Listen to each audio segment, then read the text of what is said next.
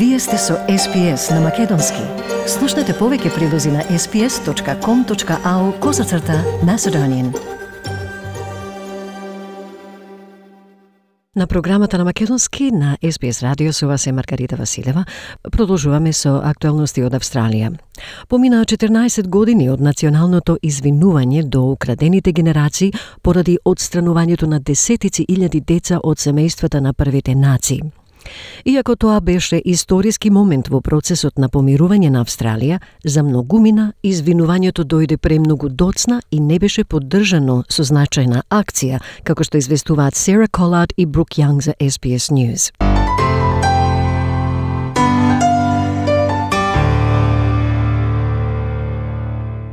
For the pain, suffering, and hurt of these stolen generations, their descendants, and for their families left behind, we say sorry. Ова е дел од говорот што пред 14 години цела Австралија го слушаше. Цитат за болката, страдањето и болката на овие украдени генерации, нивните потомци и за нивните семејства кои останаа по нив, се извинуваме. Затворен цитат. Тоа беа зборовите на тогашниот премиер Кевин Рад, кој формално им се извини на домородните народи на Австралија. Тоа беше насочено особено кон украдените генерации, чии животи беа уништени од минатите владини политики на принудно одстранување и асимилација на децата.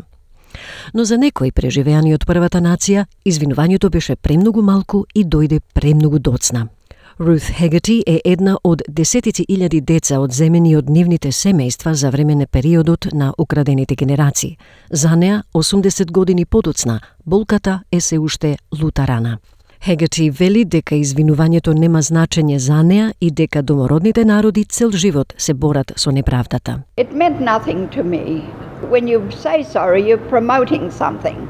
And uh, nothing happened. Nothing happened. We've been fighting injustice all our lives. Сеќавањата на господјата Хегати во мисиите на Шерберг за абориджини во 1930-тите години, каде што била обучена како слуга, се уште ја мачат. Биле ромашни, пораснала во дом, каде подоцна се омажила за човек од мисијата, каде владата имаше контрола врз нив, врз нивните плати и се друго, вели Хегати. I said we were like, oh, poor as crows, I guess. If you grew up in the dormitory and then we went from the dormitory, I married a mission man. And the same sort of things were happening there in the mission. You know, the government had control. They controlled us, uh, controlled the wages and every other thing.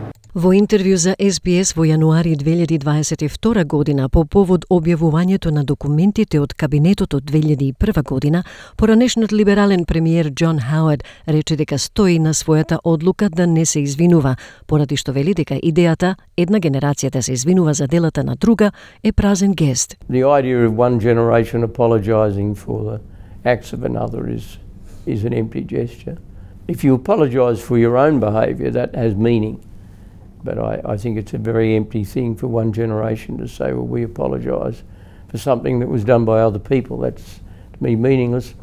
Но господинот Рад го осуди поранешниот премиер што не го искористи своето политичко влијание за да помогне да се поправат работите. Mr Howard has a strong voice within conservative Australia. His continued opposition to the apology does not help the cause of reconciliation with Indigenous Australians long term. it would be enormously important for the country for him to change his position, support the apology, and therefore support closing the gap for the future. Актуелниот лидер на Австралија, премиерот Скот Морисон, ја одбележа годишнината во парламентот. Such a path of forgiveness does lead to healing. It does open up a new opportunity.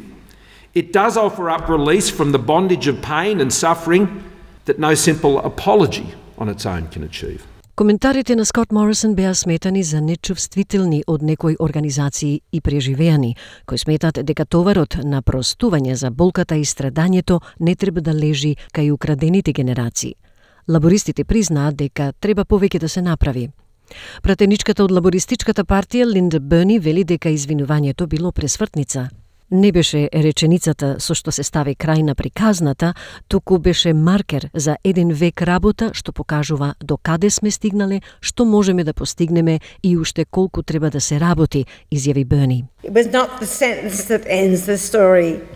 It was a way marker in a century of work, a marker that shows how far we have come.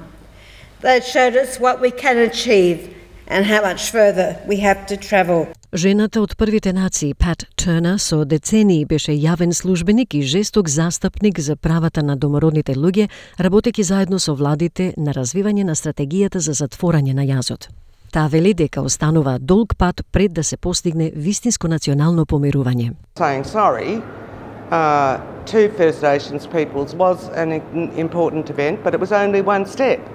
Until all the stolen generations are properly compensated, there is too much left undone. Господјата Тернер се уште се надева на акција која, речиси една деценија и половина подоцна, ќе зборува погласно од зборовите.